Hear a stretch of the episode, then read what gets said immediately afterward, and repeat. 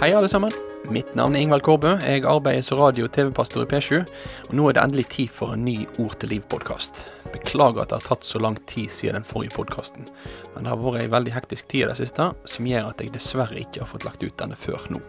Men framover så skal jeg gjøre alt som står i min makt for at episodene kommer jevnlig, to ganger i uka. Så ta det helt med ro. Nå skal det begynne å komme ord til liv oftere. I dag fortsetter vi med serien om Gud som far. Det er den andre episoden i serien. Og i dag så skal vi stoppe opp for hvem det egentlig er som har Gud som far. Jeg håper at du får med deg denne episoden, og jeg håper at den kan være med å rydde litt i din tanke òg, når det gjelder akkurat dette med Gud som far.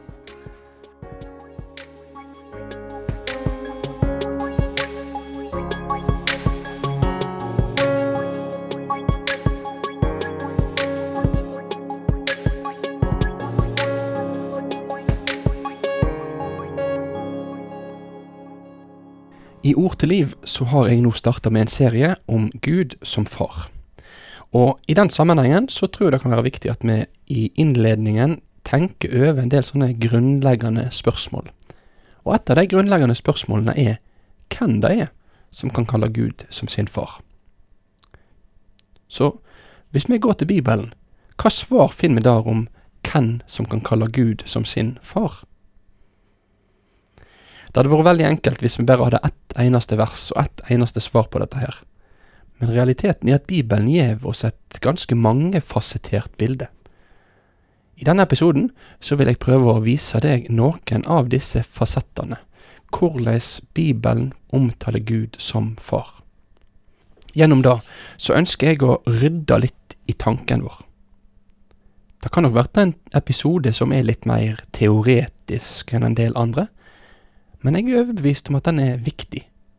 Og en av årsakene til det er at jeg, i alle fall for min del, opplever at dette her med hvem som har Gud som sin far, lett kan bli sausa litt sammen når folk snakker om Gud.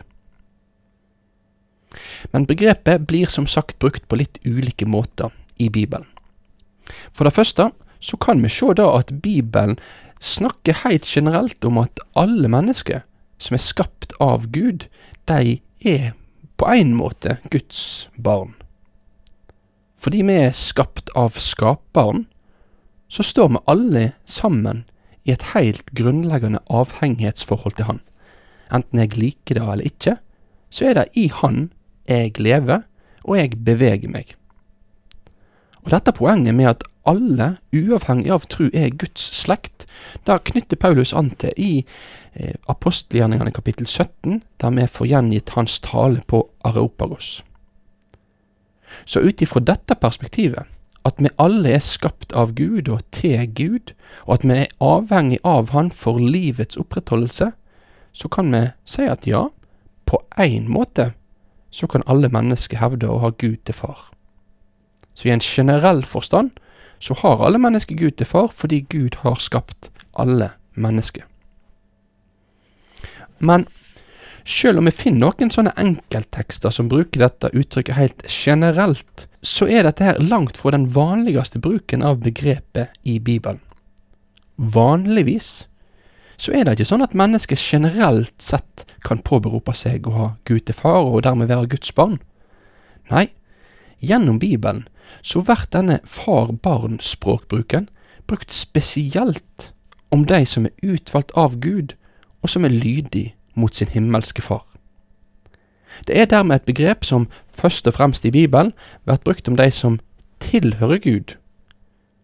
Vi skal nå først se på hvordan dette begrepet ble brukt i Gamle testamentet, og så skal vi gå videre og rette vårt blikk mot Nytestamentet etter hvert.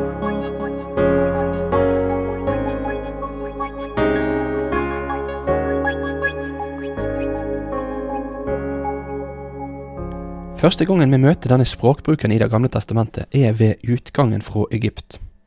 Israelsfolket de blir i andre Mosebok kapittel 4 vers 22 omtalt som Guds førstefødte sønn. Og Gud han sier til farao at eh, farao må la Guds sønn fare.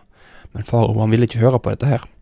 De ulike landeplagene de kom til å vise at det er Herren som er herre, det er han som har makt, og farao han hadde ingenting å stille opp med mot den allmektige Gud. Og dette topper seg i den siste landeplaga, der faraos førstefødte sønn og alle førstefødte i Egypt måtte gi livet sitt. Men Guds sønn, israelsfolket, de blei berga. Og denne tråden her, med at israelsfolket er Guds sønner og døtre, det er en tråd som blir dratt videre gjennom Det gamle testamentet. For eksempel i 5. Mosebok kapittel 14. Da kan vi lese at israelsfolket er barn av Herren, og at de derfor er et heilagt folk, så dermed ikke skal ha de samme skikkene som alle de andre folkeslagene rundt seg. Med et mer negativt fortegn så kan vi se at israelsfolket i Jesaja kapittel 1 vært beskrevet for oss som ulydige barn som trosser sin himmelske far, noe som fører til at forholdet deres til Gud blir ødelagt. Flere tekster kunne blitt tatt fram, men det som jeg gjennom disse tekstene har villet synliggjøre for deg, er at det er ei linje gjennom Det gamle testamentet, med at Abraham, Isak og Jakob sine etterkommere, de som blir kalt for israelsfolket, de er Guds barn. Samtidig så er det òg sånn i Det gamle testamentet at det er én spesiell person som mange ganger har vært omtalt som Guds sønn. Og det er kongen. Et eksempel på dette her finner vi i andre Samuels bok kapittel sju. Her blir det profetert om at David, sin sønn, han skulle komme til å regjere, og da så sier Herren at denne Davids sønn, han skulle òg være Guds sønn. Denne profetien i 2. Samuel 7 det er en profeti med flere lag. Ja, den sikter nok delvis til kong Salomo, som kom til å overta truna etter David og kom til å bygge tempelet i Jerusalem. Men samtidig så ser vi at det denne teksten beskriver, det er noe som sprenger rammene for Salomo og hans virke. Det var en større, mektigere og mer varig konge som en dag skulle komme av Davids ett. En Davids sønn som òg var Guds sønn, og som skulle være konge. Og går vi til Salmenes bok i Gamle testamentet, så kan vi finne at denne ventingen på en konge, en konge som var utvalgt av Gud, og dermed var Guds sønn, det er noe som preger mange salmer. En av salmene er salme to. Der sier Gud, Du er sønnen min, jeg har født deg i dag. Disse to trådene i Det gamle testamentet de viser oss hvordan det er Guds utvalgte folk og Guds utvalgte konge som på en spesiell måte kan omtales som Guds barn. Men når vi kommer over til Det nye testamentet, så kan vi se at det er flere som blir omtalt som Guds barn. For eksempel så skriver Paulus brev til menigheter som bor rundt omkring i Romerriket, og i disse menighetene så var det både jøder og ikke-jøder. Altså personer som kom fra folkeslag som ut ifra gammeltestamentlig tankegang ikke var Guds barn. Men likevel så kan vi se at Paulus, når han skriver sine brev, så skriver han om vår far. Vår far. Til romerne, for eksempel, så skriver han i kapittel åtte at vi ved Anden har fått rett til å være Guds barn. Dermed så er det sånn at i den nye pakts tid så er ikke Guds folk et folkeslag som er etnisk homogent. Nei, både jøder og hedninger blir nå regna som Guds barn ved trua på Jesus Kristus. Men det er en tekst til vi kan merke oss om det å være Guds barn i den nye pakts tid. Den er henta fra Johannes evangeliet kapittel 8 og vers 44. Her samtaler Jesus med jøder som fornekter at Jesus var Messias. Og hva sier Jesus til disse her? Jo, han sier til dem at de hadde djevelen til far. Hva for noe?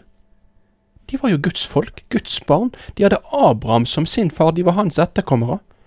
Hvordan kunne Jesus da komme med en sånn provoserende påstand? Nøkkelen her er å forstå at de trådene som vi møtte i Det gamle testamentet, med folket og med kongen, de blir i Det nye testamentet uløselig knytt sammen. For kongen, den store kongen, det er Jesus. Han er den som er sønnen med stor S. Det er han som er utvalgt av far til å være Messias.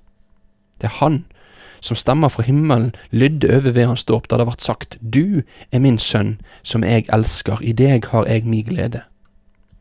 Jesus er Guds sønn fra evighet av, og når han vart født inn i verden som Guds sønn, så kom han for å vinne Guds sønner og døtre. Guds folk er Jesu folk. Guds sønner og døtre er de som tror på og tilhører Sønnen, Jesus Kristus. Det er ved at Den hellige ånd får retta blikket vårt mot Jesus, og at vi får tru på Han, at vi blir Guds barn og Guds arvinger. Dermed så er det sånn i dag at jeg og du, vi som ikke er jøder, vi blir poda inn i Guds folk ved trua på Jesus. Dette kan vi lese om i Romerbrevet kapittel 11, blant annet. Jeg, jeg var ikke en del av Guds utvalgte folk, men gjennom den utvalgte frelseren Jesus, så blir jeg en del av dette folket. Men sånn er det òg for det jødiske folket i dag. Ja, de har hatt, og de har fortsatt, og vil alltid ha en spesiell plass i Guds frelseshistorie. De er løftesfolket. Men samtidig er det sånn at det er ved trua på Jesus og trua på Jesus aleine at de òg får tilgang til Far. Uten Sønnen har ikke de livet. Uten Messias har ikke de noe redning. Det er ikke noe snarvei. Det er ikke noe bakvei. Det er ingen skjult sti inn til Fars hus. Det er én vei, Jesus, Han som er veien, sannheten og livet. Og i Efeserbrevet kapittel 2 og vers 18 så står det Ved Han har både det, da er hedningene, og vi, altså jødene, tilgang til Far i én ande. Så, for å oppsummere, hvem er det som har Gud til far, og hvem er det derfor som kan kalles Guds barn? Det er ikke an på hva vi mener med dette. Om vi med da mener at det å være Guds barn sikter til det å være skapt av Gud og ville av Gud, ja, da gjelder det ethvert menneske. Men om vi med å kalle noen et Guds barn, mener de som tilhører Gud, de som er hans arvinger, og som kan søke til sin far for trygghet og hjelp i all nød, så vil mitt svar være at alle mennesker er absolutt ikke Guds barn. Tvert imot. Av naturen er vi vredens barn. Men ved trua på Jesus så gir Den hellige ånd oss et nytt liv, en ny familie og en ny far. Vi får Gud til far. Det er dette som er den toneangivende tonen i Det nye testamentet. Det som blir sagt om Gud som far. Det blir ikke først og fremst sagt til alle mennesker. Det vært sagt til deg og til meg, som har fått komme til tro på Jesus, Guds sønn. Det er vi som kan si at vi har Gud til far. Det er vi som kan regne med han i glede og sorg. Det er vi som kan få be til far. Dette er et av de største privilegiene Jesus gir oss. Tenk, himmelens og jordens skaper. Han er ikke bare den store og mektige Gud. Han er òg min far.